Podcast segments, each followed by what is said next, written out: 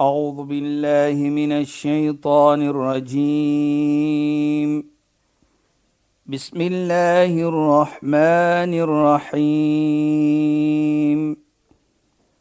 اليوم أكملت لكم دينكم وأتممت عليكم نعمتي. وأتممت عليكم نعمتي ورضيت لكم الإسلام دينا. صدق الله العظيم. السلام عليكم ورحمة الله وبركاته. خيانات باي فالكم بدي بروجرام اسلام فوكس Ek is Shahida Kali en ek gesels met Sheikh Dafir Najjar. Assalamu alaykum Sheikh. Wa alaykum salaam wa rahmatullahi wa barakatuh.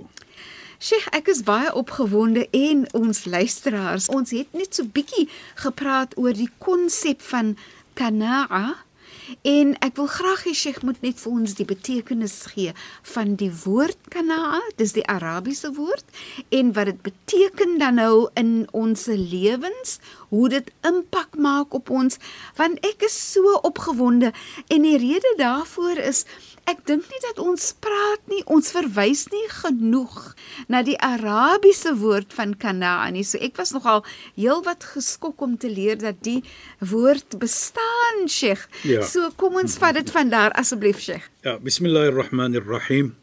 Alhamdulillah wassalatu wassalamu ala rasulih sallallahu alayhi wa sallam wa ala alihi wa sahbihi ajma'in wa ba'd.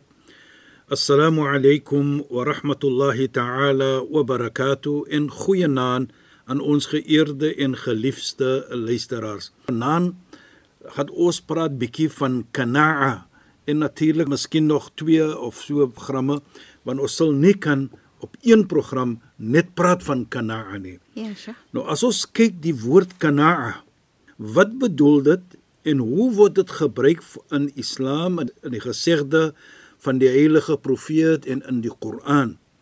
Dan sal ons sien qanaa is aslur rida wa husnu thiqa billah.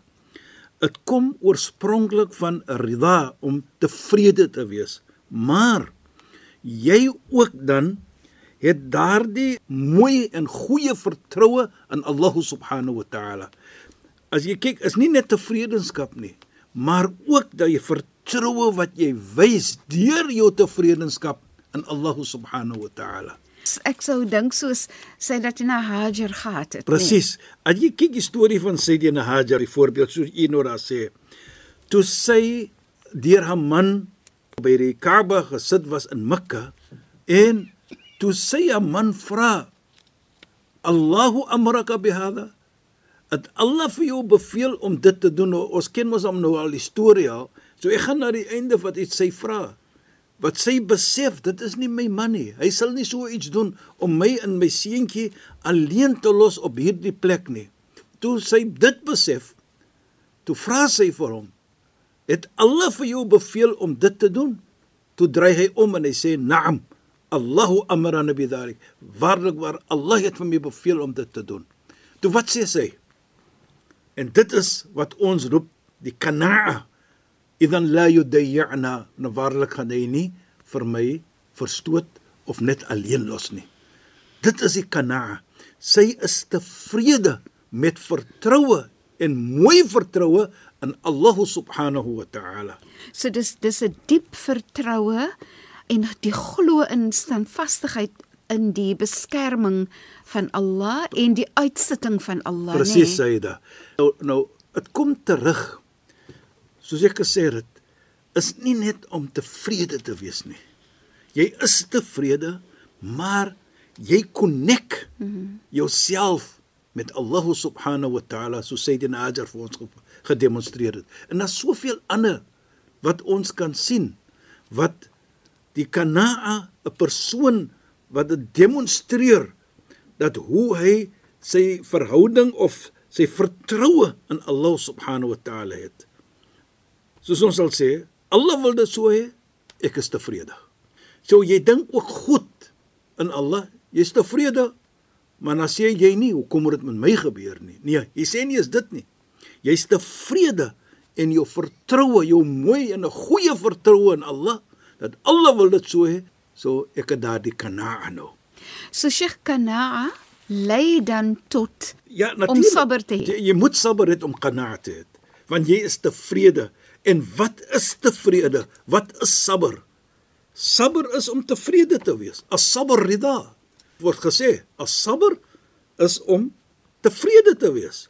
So ja, daar is ook 'n storie van sabber. Nou wat vir my baie belangrik is hier. Ek sien nou of ons sien ons het in die verlede gepraat van uh die sabber wat ons toon. Wat ons sê byvoorbeeld inna allaha ma'as sabirin soos die Koran sê, waarlik waar Allah is saam met diegene wat sabber, wat geduld toon. Nou sê ek vir myself, Dis 'n beloning wat Allah subhanahu wa ta'ala natuurlik sê ek is saam met jou. Innama yuwaffa as-sabiruna ajrahum bighairi hisab. Waarlik waar diegene wat geduld toon, hulle het 'n beloning wat is unlimited. Nou sê ek en ek vra die as ek die kana het. Ek wys die geduld en ek wys die geduld met tevredenskap en dieselfde tyd met vertroue in Allah subhanahu wa ta'ala. So wat ek probeer om te demonstreer is wat Allah het en wat Allah vir my beloof is ek meer verseker van as wat ek het in my hand. Ek sien die iets in my hand. Maar as Allah vir my sê iets en beloof iets, is ek meer verseker van dit as wat daardie ding of iets wat ek sien in my eie hand hier voor my. So dis dit- dis dis dan gebaseer op 'n baie diep geloof in Allah, nee. Presies. Natuurlik koppel met geduld, Ja, Sheikh. dit koppel dit saam met wat ons gesê het, jy dink net goed van Allah subhanahu wa ta'ala. Nou as ons dit sien Shaida, daardie qanaa. So wat ons dan moet mooi verstaan is dat qanaa kom nie van materialistiese iets nie. En dit herinner nou vir my van profeet Dawud alayhi Dawid alayhi salam. Toe Allah subhanahu wa ta'ala gestuur het na hom toe iets. En Allah praat van qanaa by hom. En Allah sê ma wada'tu al-ghina fil qanaa. Ek het die qanaa gemaak nie in rykdom nie. Kyk mooi, daardie rykdom is nie van qanaa, jy het nou baie dit en baie dit. Jy kan al daardie het, maar jy is nog nie tevrede nie.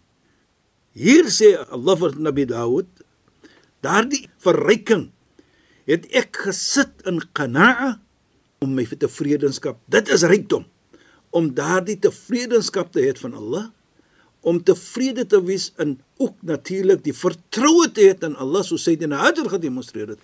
Daarin is die rykdom. Dan sê pro- Allah vir Nabi Dawud, profeet Dawud, "Wa hum yatlubuna fi kathrati al-mal." Maar sommige mense soek kanaa om baie geld te hê, rykdom te hê. Fala yajidunahu. Dan kry hulle nie of hulle vind nie daardie kanaa tot binne rykdom nie. Is interessant dat uh, Sheikh sê dis amper soos mens kan nou die voorbeeld gebruik van hoe meer wilde ek hê, hoe meer wil ek wilde hê, so ek is nooit tevrede nie. Presies. Ek kan nie kana kry daarin nie. Dit verstaan ook dan Sheikh Ja, dat ja. wanneer jy praat van kana, dan praat jy nie van eksterne goed wat vir jou tevrede maak nie, maar dit is 'n interne tevredenheid wat kom uit jou hart, Precies. gekonnekteer met jou Precies, hart, precies. gekonnekteer met jou met jou verhouding met jou God. Ja, as jy kyk, dit 'n baie mooi vraag en baie mooi iets wat jy sê daar, want as ons kyk, soos nou gesê het van tevore, dat mens soek kanaa by rykdom. En Allah subhanahu wa ta'ala sê vir profeet Dawid dat is nie daar nie. Rykdom is om kanaa te hê. Rykdom is om daardie tevredenskap te hê in alle omstandighede. En jy het jy het vertroue in Allah subhanahu wa ta'ala. So dit maak nie wat 'n geld jy het nie, wat 'n rykdom jy het nie, wat 'n wilde jy het nie. So dit is in jou hart dat jy het tevredenskap.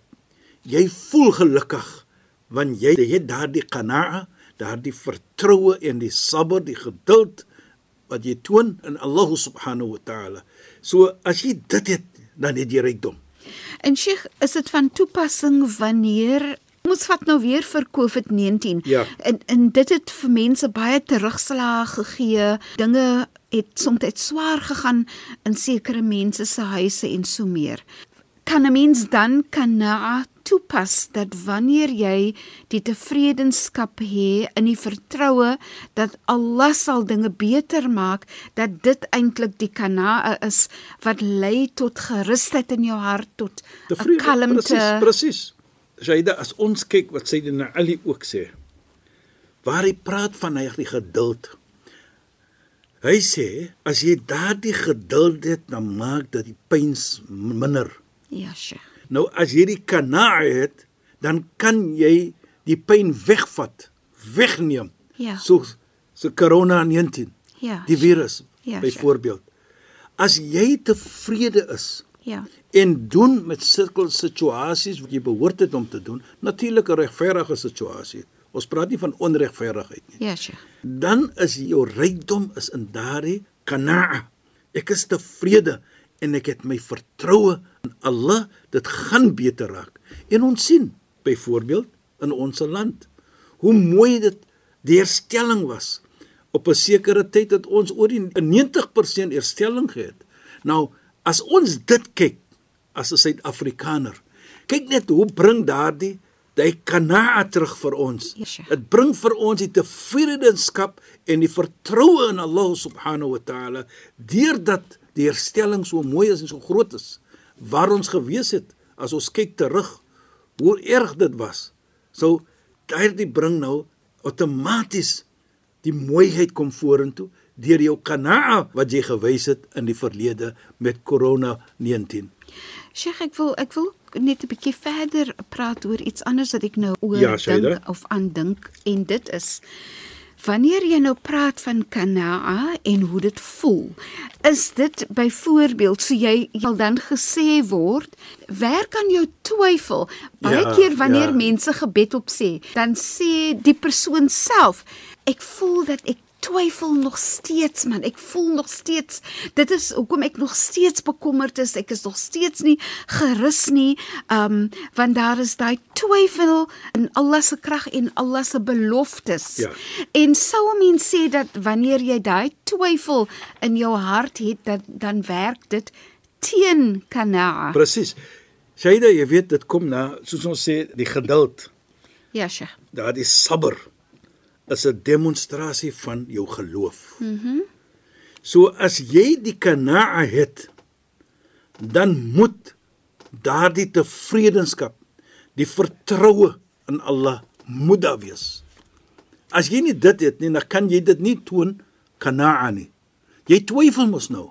Ja, dit Sheikh. kan nie wees 'n mate van geduld nie. Jou geduld dan is by swak.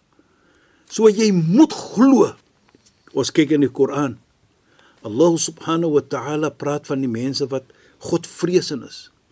In die begin van die Koran waar Allah sê Alif Lam Mim dhalika al-kitabu la rayba fi hudan lil muttaqin. Alladhina yu'minuna bil ghaib. In hierdie boek daar's geen twyfel nie.